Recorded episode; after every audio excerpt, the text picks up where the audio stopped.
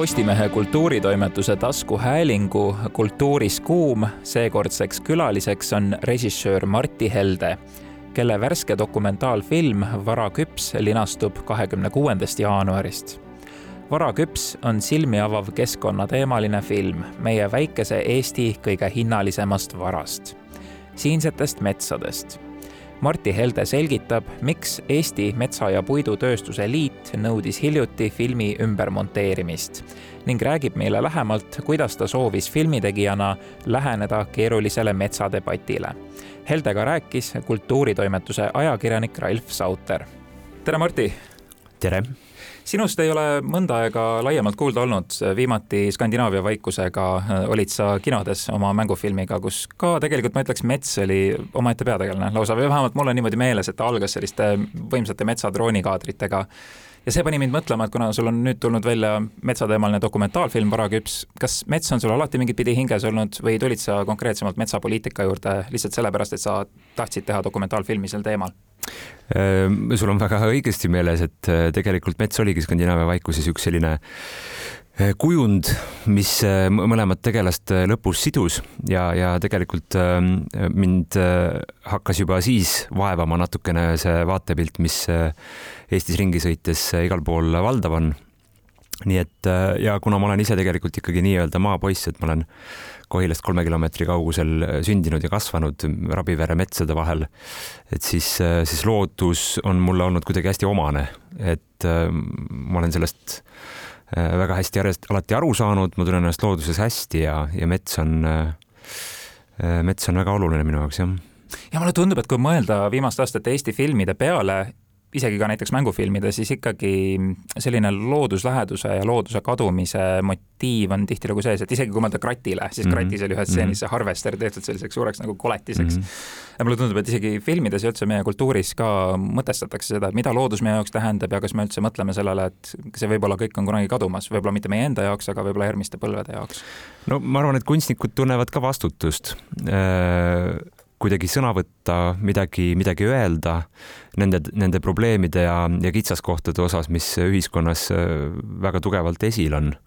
et filmitegijana on see vastutus ka, mulle tundub, et noh, mina ise tundsin vähemalt seda, et, et ma ei saa teha noh, jutumärkides lillidest ja liblikatest filmi, kui ma ei ole sellist suurt probleemi iseenda jaoks äh, lahti mõtestanud või sellega tegelenud et äh, filmitegijal on, on suur vastutus oma, oma tööde ees äh, sõnumit äh, kuidagi seada ja levitada ja, ja kui ühiskonnas on, on metsade teema aktuaalne ja väga oluline, siis, siis ma tunnen, et sellest ei saa nagu mööda minna, et iseenda rahu mõttes vähemalt sellega peaks tegelema. milliste konkreetsemate seisukohtadega sa ise tulid selle dokumentaali juurde ja kui palju sinu arusaam metsaga toimuvast ja metsapoliitikast muutus selle filmi tegemise käigus, kui sa intervjueerisid kõiki neid inimesi erinevatest valdkondadest?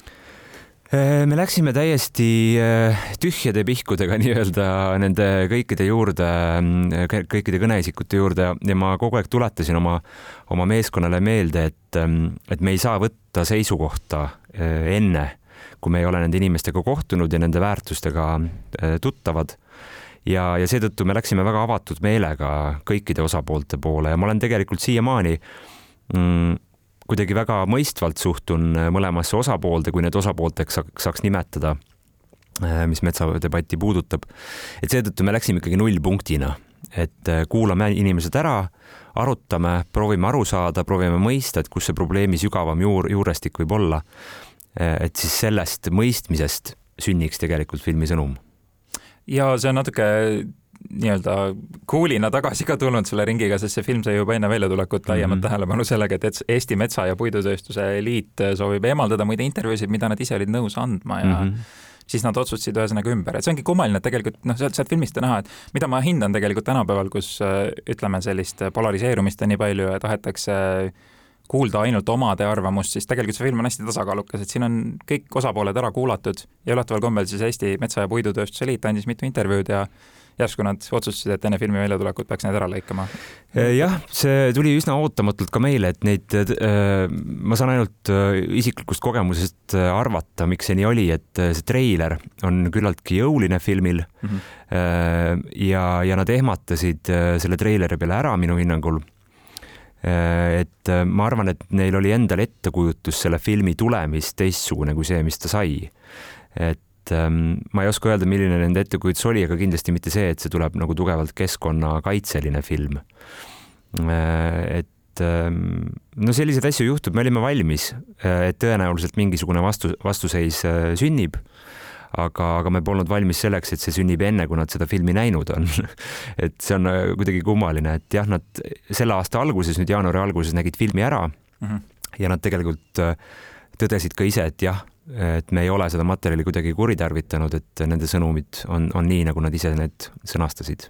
Ja need intervjuud tegi siis Joonas Ellermaa ja ma panin siin kirja ka, et Henrik Välja ja Margus Kohava olid ilmselt need kaks intervjueeritavat, kes mm -hmm. mõlemad tahtsid jah, eemaldumist eemaldumist um, huvitav jah, et kui nad olid nõus neid intervjuusid andma, siis kas nende, see, see nii-öelda leping, mille nad allkirjastasid, et filmis osaleda, kas see oli natuke umbmäärasem siis selles osas, mida see film kujutab endast? see on palju keerulisem selle, selles suhtes, et esimene intervjuu, mis me tegime, oli Hendrik Väljaga ja, ja sellel hetkel ei olnud filmil isegi veel äh, tootmistoetust mm.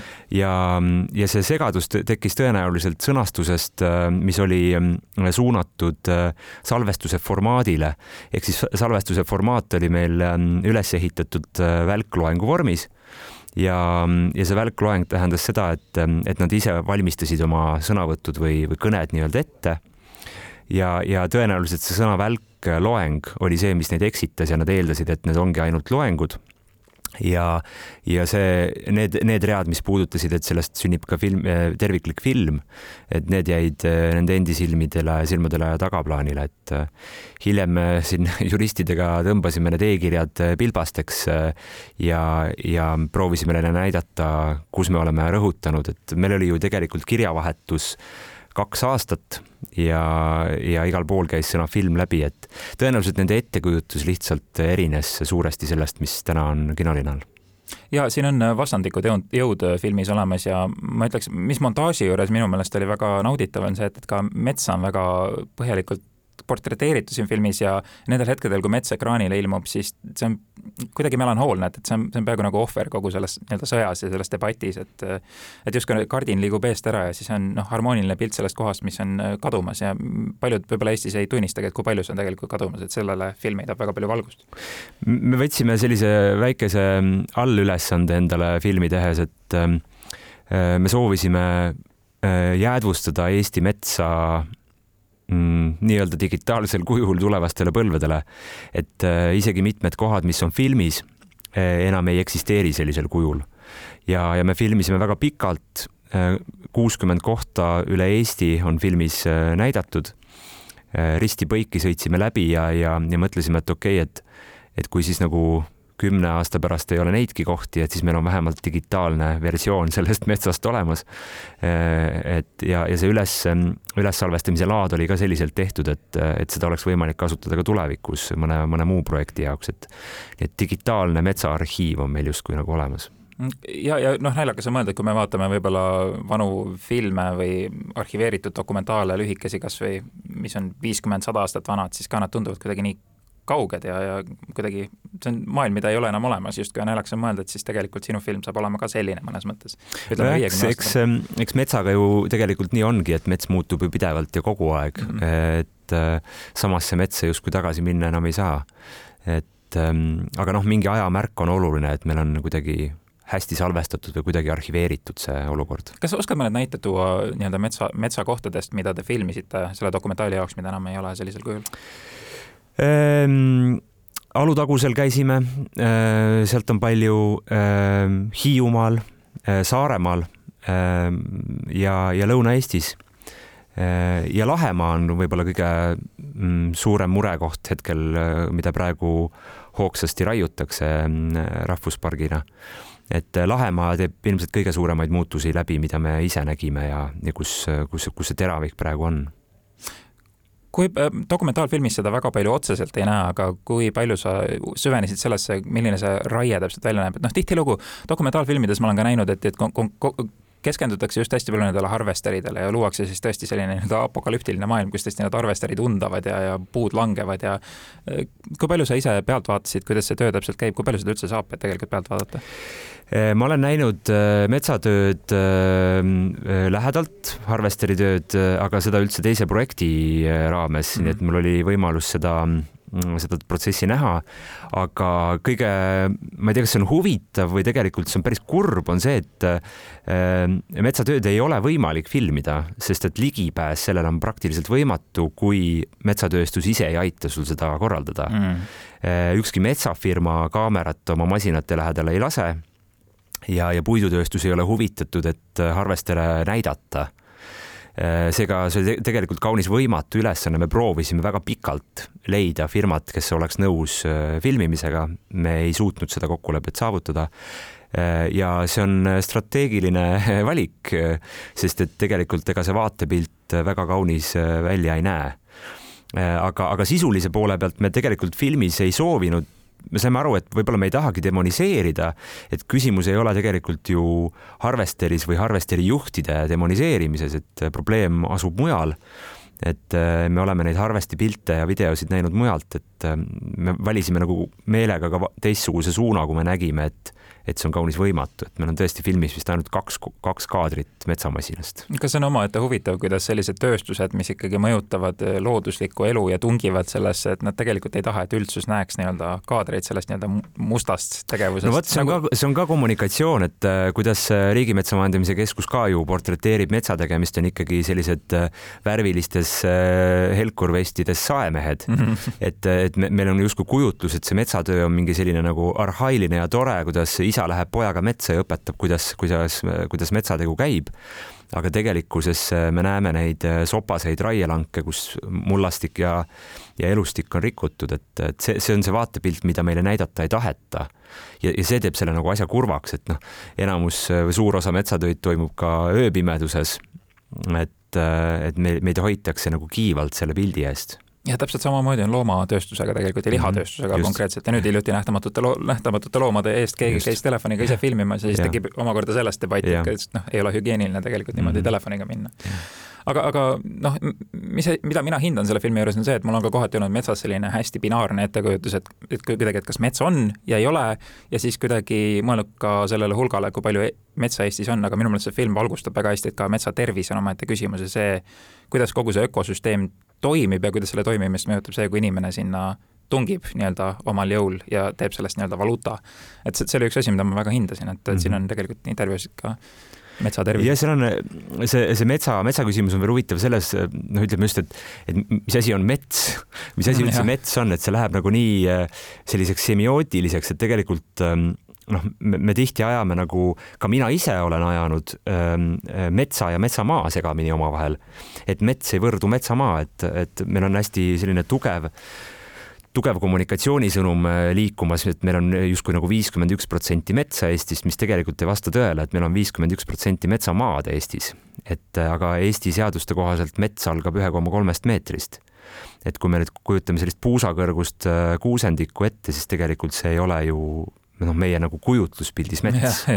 et, äh, et need on need, need on need kommunikatsioonisõnumid, millega seda üldsuse ar arvamust ähm, püütakse vaikselt kujundada ja sa oled toonud ka nii-öelda meedia ja kogu selle kommunikatsiooni osa siin, siin filmis sisse, et kas sul oli raske kogu selles debatis nii-öelda ise orienteeruda ja mitte ainult intervjuusid teha, vaid ka siis süveneda kõikidesse nendesse telesaadetesse, mis on sel teemal tehtud? Ja noh, see andmema-, andmemaht on päris ja. korralik. meil oli õnneks väga palju kaasamõtlejaid, kes aitasid selles info hulgas ähm, äh, niimoodi ujuda ähm, ja sellised põhi, põhi nagu väärarusaamad kohe kõrvale lükata et aga noh kom, kommunikatsioon on nagu põhialus, et äh, tegelikult filmist tuleb ka neljaosaline teleseriaal ja neljas osa keskendubki kommunikatsioonile. Ja selle, selle mõte on natukene süvitsi minna ja aru saada, et kuidas, äh, kuidas neid sõnumeid, mis justkui valdavaks on kujunenud, kuidas neid on äh, suunatud, millal nad on meile teadvusesse jõudnud, sest et kui me mulle tundub vähemalt, et kui me kodanikena õpime seda kommunikatsiooni, kommunikatsiooni lugema siis meil tekib ka arusaam tegelikult sellest metsasõjast parem, parem. et me saame aru, et ahah, mulle öeldakse seda, aga tegelikult, mis selle sõnumi taga on, et kas see tegelikult vastab tõele. et noh, selline nagu küsitavus on, ma arvan, vaatajate jaoks oluline, et et me, me unustame nagu eestlastena ära, et, tegelikult me oleme ju kõik üks koma kolm miljonit elanikku, me oleme metsaomanikud, riigimetsa äh, omanikud. et äh, meil tegelikult on see õigus ja vastutus võtta sõna, arvata äh, ja oma, oma seisukohti kujundada, et, et seda me ei tohiks ära unustada, et see ei ole kellegi teise vara, see on meie enda vara. et, et see on see nüanss. aga mis sa arvad, et kui inimene, kes läheb varaküpset vaatama, kes on tavaline Eesti kodanik, kellel ütleme, e-, vähemalt enda meelest ei ole erilist sõnaõigust selle üle, kuidas metsaga käituma peaks, kuigi jah, me elame demokraatias, aga paratamatult me elame ka teadmisega, et, et on teatud eksperdid, kes on nii-öelda usaldatud nende küsimuste eest vastutama, et, et kui inimene läheb seda vaatama, hakkab mõtlema, et, et Eesti metsade jaoks võiks rohkem teha, nendest võiks rohkem hoolida, kuidas selline tavaline kodanik, mida ta saaks veel teha? Sõna võtta mm, -hmm. tegelikult sõna võtta ja arvamust avaldada mm, alustades kohalikust tasandist, et äh, ütleme noh, kõige, kõige kriitilisemal kohal võib-olla on elanike jaoks äh, kodukohametsad või noh, nii-öelda nagu KAH-alad, et et kodukohametsad on tegelikult ju inimestele äärmiselt olulised mitte sellepärast, et sealt saab küttepuid, vaid et seal saab ikkagi äh, olla, jalutada, see on osa nende, äh, nende kodukoha kujunemisest, äh, olgu seal siis mälestused või, või miskit muud, et, et selle osas sõna rääk-, sõna sekka öelda, ma arvan, on kõige olulisem, et et see, mis puudutab loomulikult raiemahtusid või kaitsealasid, et ma olen absoluutselt seda meelt, et need diskussioonid peaksid jääma spetsialistidele Äh, et selle osas kaasa rääkida on väga keeruline, kui sa just iga päev sellega ei tegele. ja teine omaette dilemma on see, et me elame kasvavas ja üha jõudsamaks muutvas ühiskonnas ja mida jõudsamaks me muutume, seda suuremaks lähevad mingis mõttes meie vajadused mm -hmm. ja mhm. ja mets on justkui vaata, aga siit tuleb see, siit tuleb see nagu huvitav nüanss, et või noh, mis mulle väga meeldib, mis Tiit Maran ütleb filmis, et et me oleme nii väike riik mm -hmm. ja, ja majanduse, majanduse äh, struktuuri on disainitud sisse kasvamine Äh, aga meie looduskeskkond ei kasva, meie metsapindalad ei kasva ja, ja siit tulebki see konflikti, konflikti põhituum, et meil ei ole enam kuhugi minna. et, et metsatööstused tahavad kogu aeg areneda ja kasvada ja investeerida, aga meil ei ole neid ressursse. ja, ja, ja see ongi see punkt, kus tekib äh, surve kaitsealadele. et neil on, noh, ressursid on arusaadaval põhjusel otsas, me oleme, me oleme nagu nii palju paisunud, et siin noh, seinad on vastus ja, ja see minu arust nagu avab selle probleemi tuuma, et, et ja see ongi see konfl konflikti koht ja need kaitsealad muidugi nende raiumisel leitakse igasuguseid neid väikseid ussiauke või nii-öelda nüansse, et, millega õigustada seda ja. no aga, aga see on nii paradoksaalne, et, et kui me, kui me mõtleme nagu meie rahvuspargid mm, -hmm. et me oleme mingil hetkel otsustanud, et äh, need piirkonnad on meie jaoks olulised, need loodusväärtused ja need ökoloogilised süsteemid, mis nendes kaitsealades ja, ja, ja mm, rahvusparkides on, et need on meile väga tähtsad. ja, ja nüüd me raiume need lagedaks. et, et see on, et minul tekib niisugune nagu hästi lihtne küsimus, et aga mille eest me siis kaitseme neid alasid et või mida me seal siis kaitseme, kui me, kui me nad äh, tühjaks tõmbame, et, et see on, see on nagu mõtteliselt nii vale, et küsimus ei olegi ju tegelikult protsendis, nendes kaitsealade protsendis, vaid selles, kui palju tegelikult nendest kaitsealadest päriselt ka kaitse all on. et, ähm, et see on väga tugev vastuolu. ja, ja põhimõtteline küsimus ka, et no meil ei ole ju, tegelikult me siis ei kaitse, see ju näitab Riigikontrolli mhm. audit eelmisel aastal tõi väga teravalt välja selle, et tegelikult riigil puudub ülevaade, et kui palju kaitsealustest metsadest tegelikult kaitse all on. Äh, seda on proovitud vaikselt niimoodi summutada, seda sõnumit, aga see oli päris valus, äh, valus raport. kas sinu meelest äh, see nii-öelda hävitamine, mida me teeme, on lihtsalt mingi osa inimloomusest. kas sa arvad, et need tööstused on lihtsalt liiga suureks paisunud ja nii-öelda tagasi pöörata seda ei taheta või ei suudeta? kust tuleb see meie nii-öelda kihk siis loodust survestada ja enda kuidagi alla panna ja siis seda valitseda sellisel kujul, nagu me seda tööstuslikult teeme? No see on juba spetsialistide vastus võib-olla, aga ma, ma laenan ühe, ühe, ühe mõtte Ülle Harjult, äh, kes ütles, kes väidab äh, enda, noh, tema on nii põhjalikult metsateemaga ja maateemaga kokku puutunud ja ma, ma tegelikult nõustun temaga, et ähm, et mingil hetkel on ikkagi metsatööstustesse väga palju investeeritud, liiga palju investeeritud. ja, ja nüüd me jõuamegi sellesse punkti, kus ressursid on otsas. aga tööstused endiselt ju vajavad tööd ja, ja tooret et, ähm, et see on nagu, see on mõttekoht, noh, ma ei oska öelda, ma saan tegelikult metsatööstusest täiesti aru ja tegelikult see film ei ole ju metsatööstuse vastane mm. -hmm. me oleme kaitseala, alade poolt. et ähm, ja ma saan nendest aru, nad tahavad ka leiba teenida. Äh, neil on vaja töötajaid hoida, neil on vaja oma, oma firmat üleval hoida, ma saan sellest aru, aga, aga, aga me peame, me peame kokku leppima, et kuskohast lähevad need kaitsepiirid, mida me hoiame, mis on meie jaoks oluline ja, ja me ei saa keskenduda ainult majandusele, sest et me tegelikult, me hävitame pärandit, mis meile on antud, et ähm, ma olen toonud äh, ühe näite ähm, vanalinna osas, et, ähm, et noh, nii-öelda puidutööstuse, puidutööstuse tööhõive giidi all oleks sama, kui me lubaksime lammutada vanalinna mm -hmm. selle nimel, et ehitussektor saaks säilida. et me ju ei tee seda. et noh, tegelikult me ei tohi ka, tohiks ka vanade loodusmetsadega nii teha, et see on, see on pärand ja me peaksime seda pärandit hoidma. see, see, see on, see on see sõnum, ma arvan, mille eest see film seisab ja selle võrra kurvem on mõelda, et see film ise võib-olla siis saab selleks nii-öelda pära, pärandiks või osaks sellest pärandiks. no see oleks eriti kurb, et lõpuks meil on ja. ainult digitaalsetel ketastel. Need kaitsealad nii-öelda jah. jah, need, need alad. aga mul tekib jah, jällegi see paralleel tegelikult siis loomakasvatusega ja nii edasi. muidugi loomade puhul nüüd, kuna samamoodi on ressursiprobleem, siis räägitakse nii-öelda geneetilisest äh, arendamisest, tahetakse loomi ise aretama hakata, nii-öelda jumalat mängima mulle tundub, et metsateemaga ei ole sellist küsimust nii-öelda tekkinud ja tundub ka võimatu asi, mida teha, aga huvitav, kuidas nii-öelda lihakasvatus ja loomatööstus on sinna tehnoloogilisse külge arenemas ja metsatööstus vist mitte nii väga nojah, noh, sellised mono, monokultuursed puupõllud tegelikult ju seda veidi nagu on, et äh, palgikasvatus kui selline, et mm -hmm. ja see ei ole kuidagiviisi nagu vale, et kui me räägime ikkagi majandusmetsast, siis see on täiesti normaalne, normaalne protsess, et et noh, nii nagu Eestimaa Looduse Fond ja, ja, ja vabaühendused on ka rõhutanud, et küsimus on ju tegelikult raieviisides. et kas selline noh, mulle tundub, et isegi noh, enda vanust vaadates, et selle kolmekümne aastaga, noh, mina noorena käisin ka isaga metsas ja isa isa õpetas, kuidas metsategu käib ja, ja mul on, mul on nagu meeles see loogika. Ehm, ja, ja, ja selle kolmekümne aastaga eh, tehnoloogia on nii palju arenenud, eh, mis puudutab siis eh, metsatöid ja, ja mulle tundub, et me ei ole jõudnud järgi selle analüüsiga, et kas see on kõige parem loodusele või et kas loodus jõuab taastuda ehm, noh, eriti puudutab see just ähm, äh, mulda. et äh, kuidas me tegelikult ikkagi no ütleme, et mitte äh,, mitte külmunud pinnasel sõidame harvesteridega ja, ja tegelikult hävitame ka selle mullastiku. et, et see on nagu see küsimus, et ma arvan, et me kuskil tagantjärgi võib-olla viiekümne, kuuekümne aasta pärast hakkame mõtlema, et võib-olla see ei olnud nagu kõige, kõige õigem tegu või et võib-olla me tegime liiga ennatlikke otsuseid.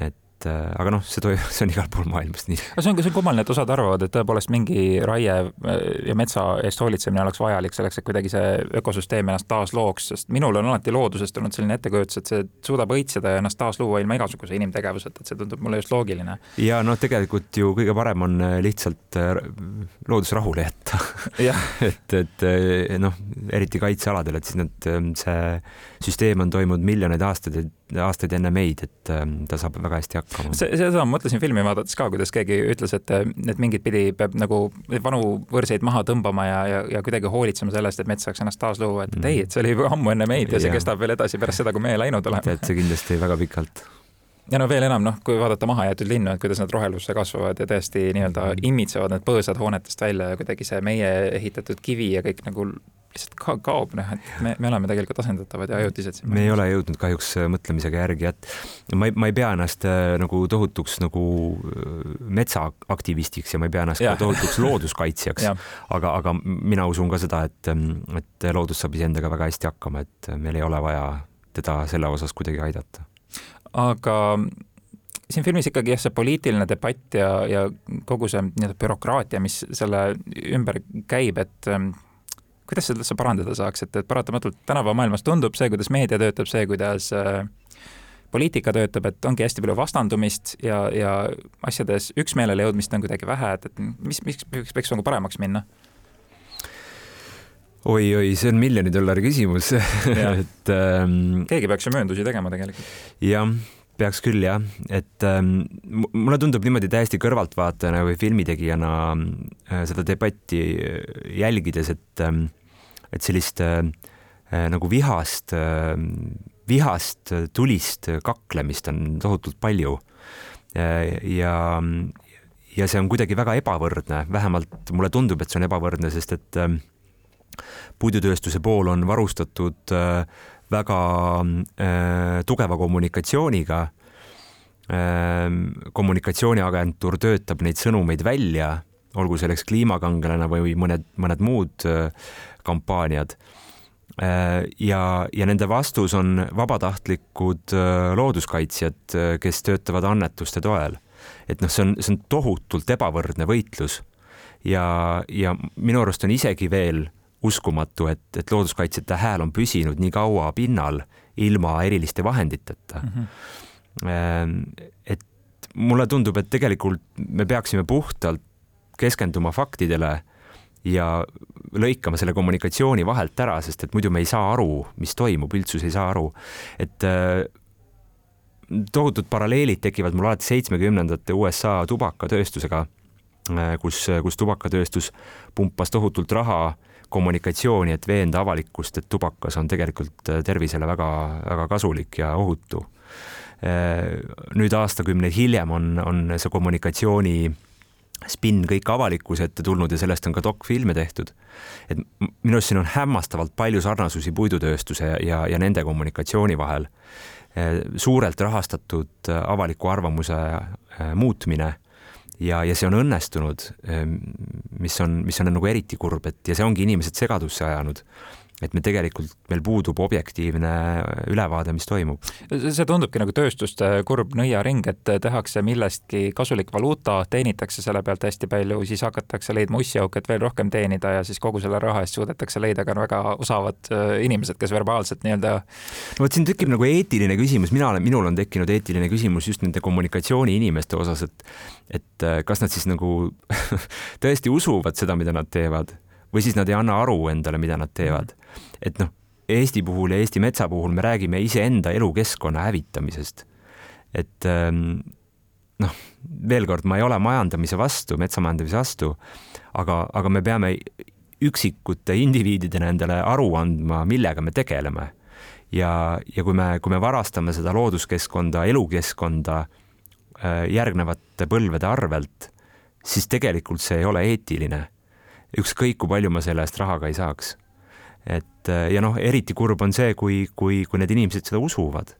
et, ähm, et äh, aga noh, jällegi see on filmitegija vaade, et, äh, et ma annaksin, ma annaksin sõna või lava iga hinna eest loodusteadlastele, et aga seda peab ka tegema avalik, avatult ja, ja arusaadavalt. ja seda on näha, et, et sa oled ju lähenenud sellele loole või teemale ilma igasuguse isikliku agendata, sa jätad iseennast nii-öelda kõrvale sellest filmist, sa ei sisene sellesse dokumentaalfilmi, nagu osad teevad.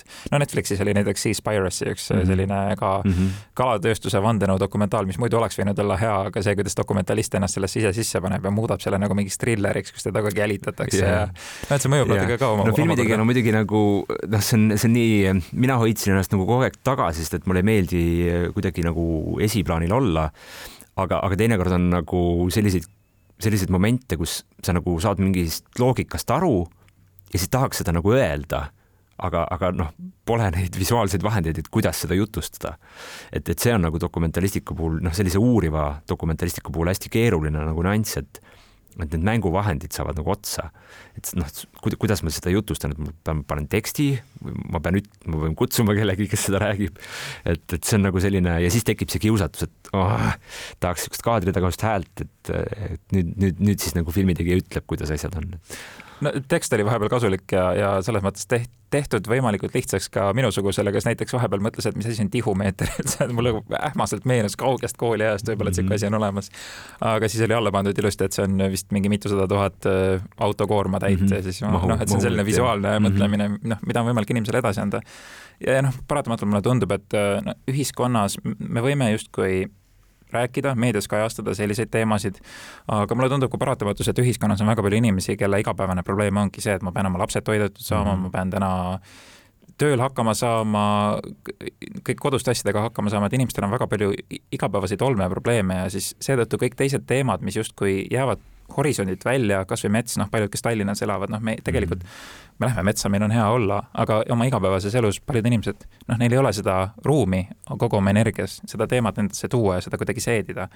ja, ja see on omakorda kurb ja noh, mulle tundub, et isegi paljud dokumentaalfilmid nagu see Fred Jüssi ja noh, et inimesed -hmm. lähevad korra kinno, neil on rõngas pea kohal korraks ja tunnevad ennast hästi, aga noh, et, et no vot sellepärast äh, sel- äh,, varaküpsega oli see, et äh, täpselt need punktid, mis sa välja tõid, et ähm, noh, meie, meie rahvastikust üks, üks kolmandiku elab, elab praktiliselt Tallinnas ja, ja, ja mul oli suur kiusatus ähm, filmitegijana seda filmi väga palju poeetilisemalt lahendada ähm,. ja ma kogu aeg tuletasin endale meelde, et tegelikult ma pean seda filmi tegema nendele inimestele, kes, kelle jaoks see probleem on liiga keeruline mm -hmm. või kes ei saa sellest aru. et äh, loodusteadlastele või, või metsatöösturitele mul ei ole mõtet filmi teha et ähm, me peame leidma viisi, et see keeruline asi väga lihtsalt ära rääkida. et ähm, äh, ja et ka noored, ütleme niisugune keskkooli, keskkooli lõpuklassides olevad noored äh, saaksid aru, et milline see maailm on, kuhu nemad astuvad või mis neile nagu meie poolt jäetakse. et seetõttu ta, ta, noh, ma proovisin vähemalt teda lahendada väga-väga lihtsalt, et, ähm, et ta ei oleks liiga keeruline ja siin filmis isegi tuuakse välja, et samamoodi koolis tegelikult haridussüsteem pumpab meil välja erinevate alade asjatundjaid, aga neid, kellel on väga terviklik pilt tänu haridussüsteemile sellest, mis metsaga toimub. Millises... üldse jah, isegi üldse, mis maa, mis, mis maailmaga toimub, et äh, aga, aga noh, mul, mul on, mul on Tallinna sõpru, kes on ähm, Äh, elu läbi Tallinnas elanud ja, ja, ja suvel koos kuskil maal olles ma saan aru sellest nagu tunnetuslikust vahest, et, et mismoodi me maailma äh, tajume ja tunneme ja näeme. ja see on täiesti normaalne, et me tajume maailma erinevalt. aga, aga kui me räägime keskkonnaalaste probleemide lahendamisest, mis tegelikult võivad di, nagu dikteerida meie järgneva elu, siis selle jaoks on vajalik mõista ja aru saada sellest maailmast, kus kohas me asume, mismoodi need looduslikud protsessid toimivad ja, ja kui me kuskil liiale läheme, et mis on selle tagajärg. et, et see, see on see hariduse, hariduse küsimus, et, et, et kuhu, kuhu, kuhu me need nagu noored toome, kes kaheteistkümnenda klassi lõpetavad ja tegelikult, kas neil on arusaam maailma toimimisest? ja inimesed, kellel on väga sügavad ambitsioonid, kes tahavad näha progressi, olgu see tehisintellekt või siis tööstuslik pool maailmast. meil on inimestena mingi veider harjumus keerata, keerata kokku suur käkk ja siis hakata mõtlema, kuidas selle käkiga tegeleda, et, et nagu sellist ennatlikku mõtlemist või seda, et kui nüüd muudaks natuke suunda, et mis siis kolmekümne aasta pärast võiks parem olla, et me väga ei taha niimoodi mõelda, inimesed, mulle tundub. jah, me, me, me, mulle tundub ka, et see analüüs saabub alati pisut liiga hilja. et, et me nagu tormame innovatsiooni ja progressi suunas, aga, aga tegelikult nagu ei jõua nagu järele mõelda, et mis võivad olla selle progressi ja innovatsiooni nagu tagajärjed. ja, ja tavaliselt nende tagajärgede äh, Äh, likvideerimine võib olla palju keerulisem kui, kui sellele eelnev analüüs. no täpselt kliimamuutusega samamoodi või äh, globaalse katastroofiga, mis kaasneda võib, et tõenäoliselt siis jah, ühel hetkel see tuleb ja siis hakatakse mõtlema mingitele omakorda tehnoloogilistele lahendustele, et seda kuidagi paremaks teha ja siis Tõ. tõenäoliselt see juba on et, et, et see tuleb niimoodi sammhaaval, et, et me oleme siin ikkagi Eestis äh, looduslikus mõttes ikkagi üsna vanajumala selja taga, et meil kõigil on noh, mitte kõigil, aga paljudel on kaks kohta, ütleme linnakodu ja maakodu, kuhu peituda või vähemalt suvila. et, et meil on tegelikult, me oleme päris õnnistatud selle maalapiga, mis meil on. Ja no siin ongi võib-olla see konna analoogia, et kui panna konn keevasse vette, siis ta hüppab sealt välja, aga kui panna konn külma vette ja lasta vesi vaikselt keema, et siis ta ei hüppa sealt välja. just, just see Aveliina Helm toob äh, ka põneva, noh, põnev on võib-olla valesti öeldud, aga, aga näite lindude arvukusest, et äh, lindude arvukus on siin kaheksakümnendate lõpu seisuga nelikümmend protsenti vähenenud mm. ja Eesti, Eesti, Eesti linnud siis ja et äh, me oleme sellega harjunud, sest see on toimunud gradientselt. Aga kui, kui siin äh, ütleme juunikuus nelikümmend protsenti linnulaulust maha keerata, siis inimesed satuksid paanikasse, et mis toimub mm.. aga kuna see on toimunud aeglaselt, siis me tegelikult ei taju seda.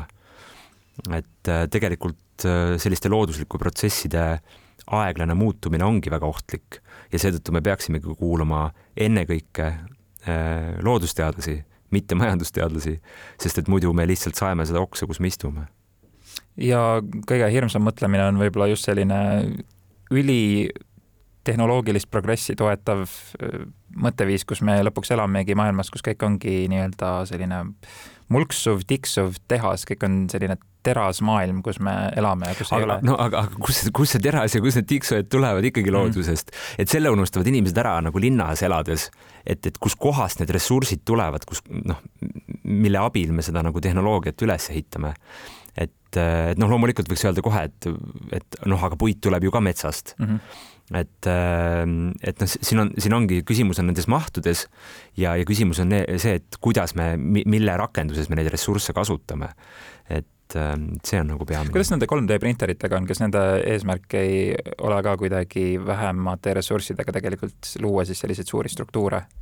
Äh, jah, tõesti, seal on jah, äh, ma tean vähemalt ehituses on. ma igaks juhuks märgin, ma, ma ei poolda, poolda sellist äh, ja, mõtteviisi, aga lihtsalt mulle tundub, et 3D printer on lihtsalt näide järjekordsest seadmest, mis tegelikult võimaldab meil selliseid struktuure luua, ilma et selleks, sellega kaasneks mingi ressursikadu mm. -hmm, seal on jah, see ehitussektoris, ma tean, on vähemalt testitud seda betooni, betoonivalu ja 3D mm -hmm. printerit aga noh, jällegi tasakaalu küsimus, et kuidas me siis paigutume sellesse maailma või sellesse emakesse loodusesse, kuhu meid pandud on ja mida me täpselt teeme sellega ähm,? ma arvan, et mul ei ole ühest vastust. filmitegijana vähemalt ma otsin seda vastust. minu, minu küsimus või minu töö on ähm, tõstatada küsimusi võib-olla, mis tahaksid äh, kuhugi unarusse vajuda et ähm, pak-, no pakkuda lahendusi, väikseid lahendusi, et minu, minu, minu lahendus selles osas võib-olla oleks ikkagi number üks on haridus. noh no,, inimesed peavad mõistma, eriti noored tegelikult peavad mõistma, et kuskohast me tuleme ja kuhu me oleme suundumas, me peame aru saama sellest maailmast, kus me elame. et loodus ei ole kuskil seal äh,. me oleme looduse osa. et mulle tundub, et see mm, kontakt loodusega linna, äh, linnakeskkonnas äh, on väga kiire kaduma Äh, ja see mõistmine, et meie üks, oleme üks osa sellest. et äh, ma arvan, et see, see tunnetus äh, selles nutimaailmas on kaduv asi ja see on väga ohtlik. ja, ja see arusaamine, et ütleme, et kui, kui ökoloogid räägivad ähm, liigilisest mitmekesisusest, et miks see meile oluline on. et see mõistmine, et kõik need putukad ja ka väiksed organismid Ehm, nad on osa suurest masinast mm, -hmm. tänu millele me oleme täna siin, kus me oleme. ja kui me hävitame nende elukeskkonnad, siis me hävitame tegelikult iseenda elukeskkonda. et noh, see on, see on ju tegelikult kõige alus. Ja sellest ei saa olla eespool majandus.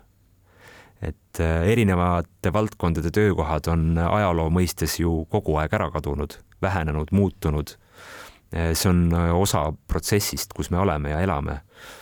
et eh, me ei tohiks seda karta ja me ei saa hoida kümne küünega kinni vananenud arusaamadest. me peame ikkagi liikuma edasi ja tegelikult tegema ennatlikke otsuseid ja samamoodi näiteks seenevõrgustik, et tegelikult meie all on üüratu, ma saan aru, seenevõrgustik, mis tegelikult ka elab ja hingab ja. no meil on väga palju selliseid valdkondi ökoloogias, mille sajaprotsendilist mõistmist me ei ole veel nagu endale selgeks teinud.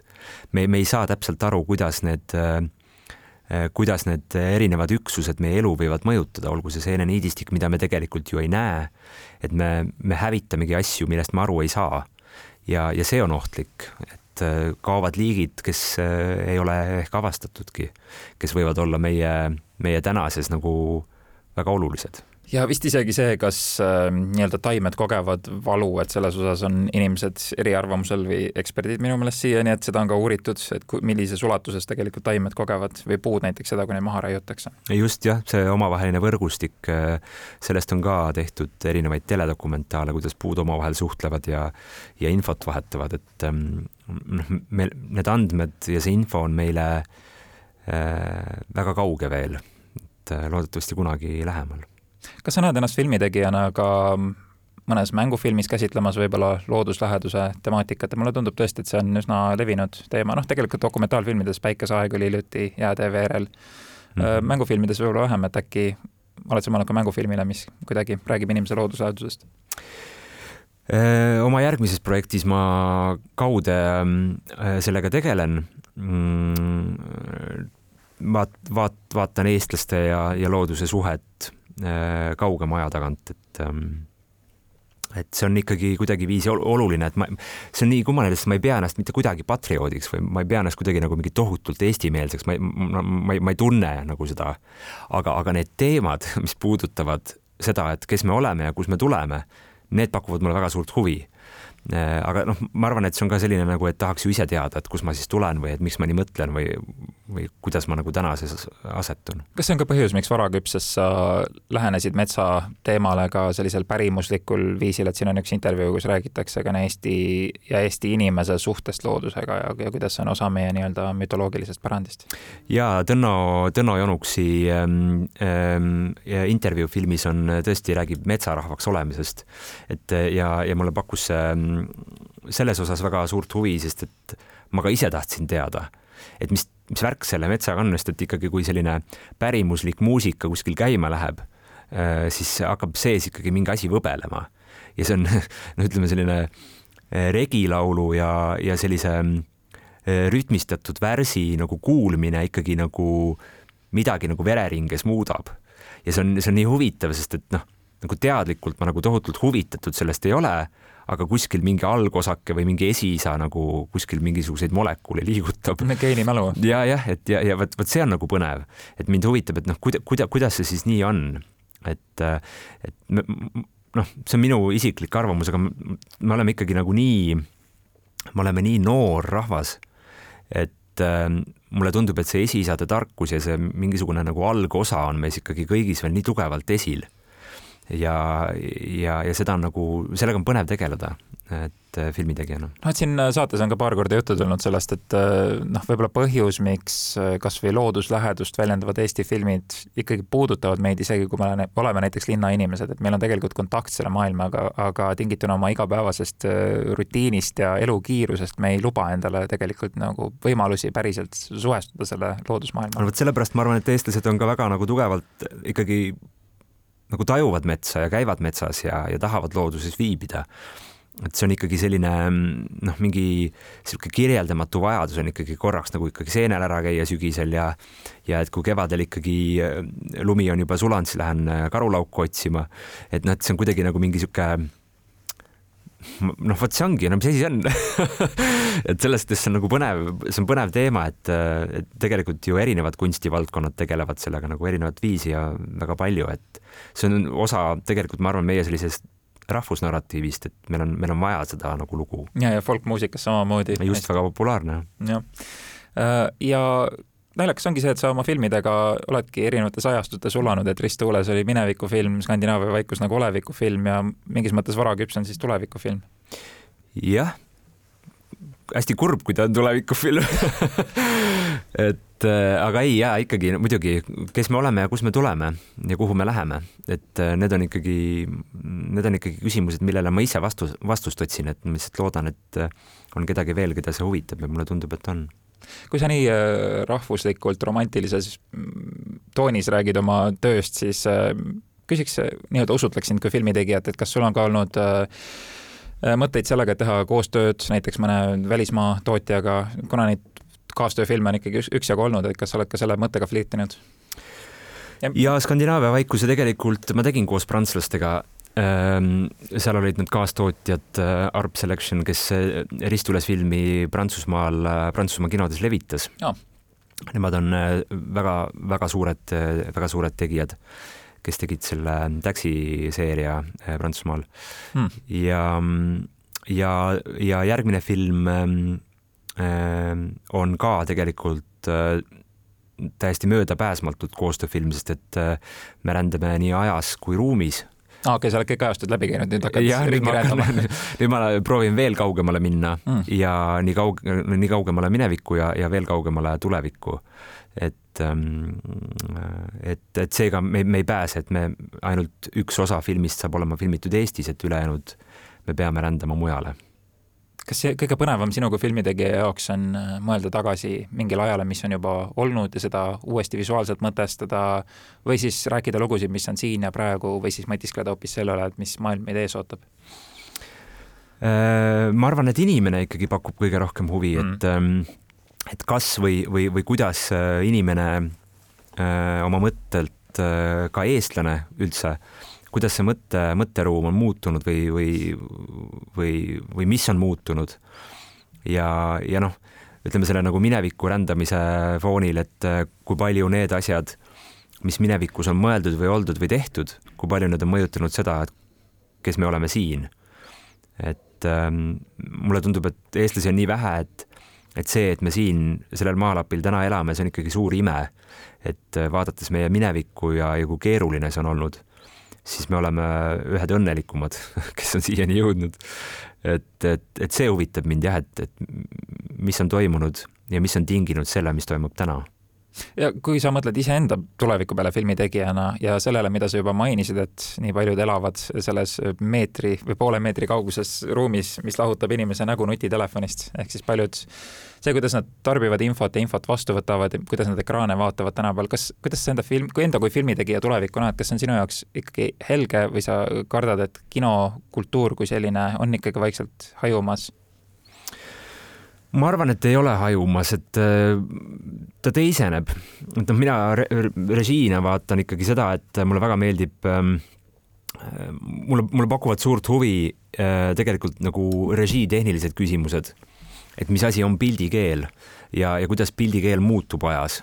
et noh, mina olen filmi, filmi tegemisega seotud olnud viisteist pluss aastat ja, ja ma olen näinud, kuidas selle lühikese aja jooksul on nagu pildi lugemiskiirus muutunud Äh, kuidas need vormid äh, on muutunud, kuskohast me filme vaatame, mis, mis, mis pidi me filmi vaatame, et kas see on püst, püstine või, või, või, või lapikune pilt. et ja, ja, ja millised järjekorrad on nagu piltide esitamisel, et noh, üks pluss üks pluss üks nii-öelda kaadrite mõttes, et, et kuidas see nagu suhe on muutunud, et see on minu jaoks nagu tohutult huvitav, just nimelt režii et ähm, ja, ja ma ei, ma ei usu, mina usun seda tegelikult, et liikuva pildi osakaal pigem kasvab. aga see, kuskohast me seda liikuvat pilti vaatame, see tõenäoliselt teiseneb kindlasti veel, veel mitu-mitu korda.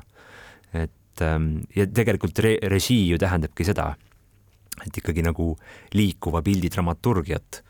Mm, et see on minu jaoks ääretult huvitav ja see dramaturgia ei pea jääma tingi-, tingimata ainult kinoekraanile, vaid, vaid võib ka liikuda väiksematele ekraanidele ja sa oled selle poolt. absolu-, absoluutselt, see on, see on möödapääsmatu, sellele vastu mm -hmm. vaie-, vaie, vaielda või võidelda ei ole mõtet, et, et noh, kino jääb mingil kujul kindlasti alles. ma ei, ma ei, ma ei usu, et see kaob et tema osatähtsus võib väheneda ja, ja ta võib liikuda koju mingisugustele ümmargustele ekraanidele, aga, aga, aga ma olen kindel, et inimene ikkagi tahab näha ekraani pealt teist inimest tegemas läbi neid samu katsumusi, mida, mida me igapäevaselt ise teeme. ja mul lemmikrežissöör David Cronenberg on öelnud, et äh, tema meelest siis kinost saab nii-öelda äh, nagu niši äh, harjumus, umbes nagu praegu inimesed käivad vinüülipoodides näiteks, et justkui taasluua mingit romantilist mälestust millestki, mis on olnud ja siis. jah, sest lugude, lugude jutustamine ei kao ju kuhugi, et äh, lõkke ääres sai see ükskord alguse ja ma arvan, et, et see vajadus kuulata, vaadata või, või kogeda teiste inimeste lugusid see on nii arhetüüpne, see on nii algupärane ja, ja ma olen veendunud, et see ei kao kuhugi. et ähm, me vajame, me vajame seda, et keegi räägiks ja elaks meie eest neid elusid. noh, halvimal juhul sa ise osaled dokumentaalfilmis ja siis mõtled, et pagan, ma ikka ei tahaks seal osaleda ja palun lõigake mind välja. mis, mis sellest sai üldse, ma ei tea, kas sa mainisid, aga see kuidagi jäi vaikseks, et nad küll nõudsid, et need intervjuud lõigatakse välja, siis te ei teinud seda ja nüüd nad olid ikka nõus sellega või? see oli nii, et nad äh, selle aasta alguses äh, tulid äh, linastusele, mille me nende jaoks korraldasime ah,. Okay.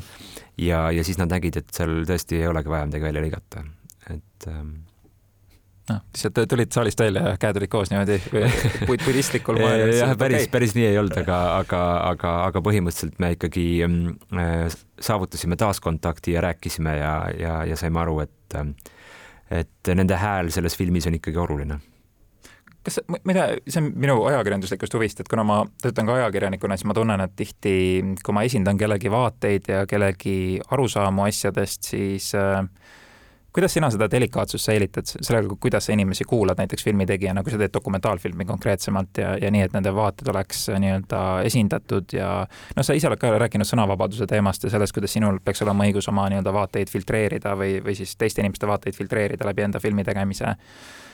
Kuidas sinu, sinu seisukoht selles on, et kuidas sa üritad jääda võimalikult delikaatseks niimoodi, et hoolid nendest, keda sa intervjueerid ja samal ajal see ei ole minu jaoks kunagi nagu probleem olnud või kuidagi, sest et seal tuleb seesama asi mängu, et äh, mind huvitab, mind huvitab inimene äh, filmi tehes, et äh, ma tahan aru saada.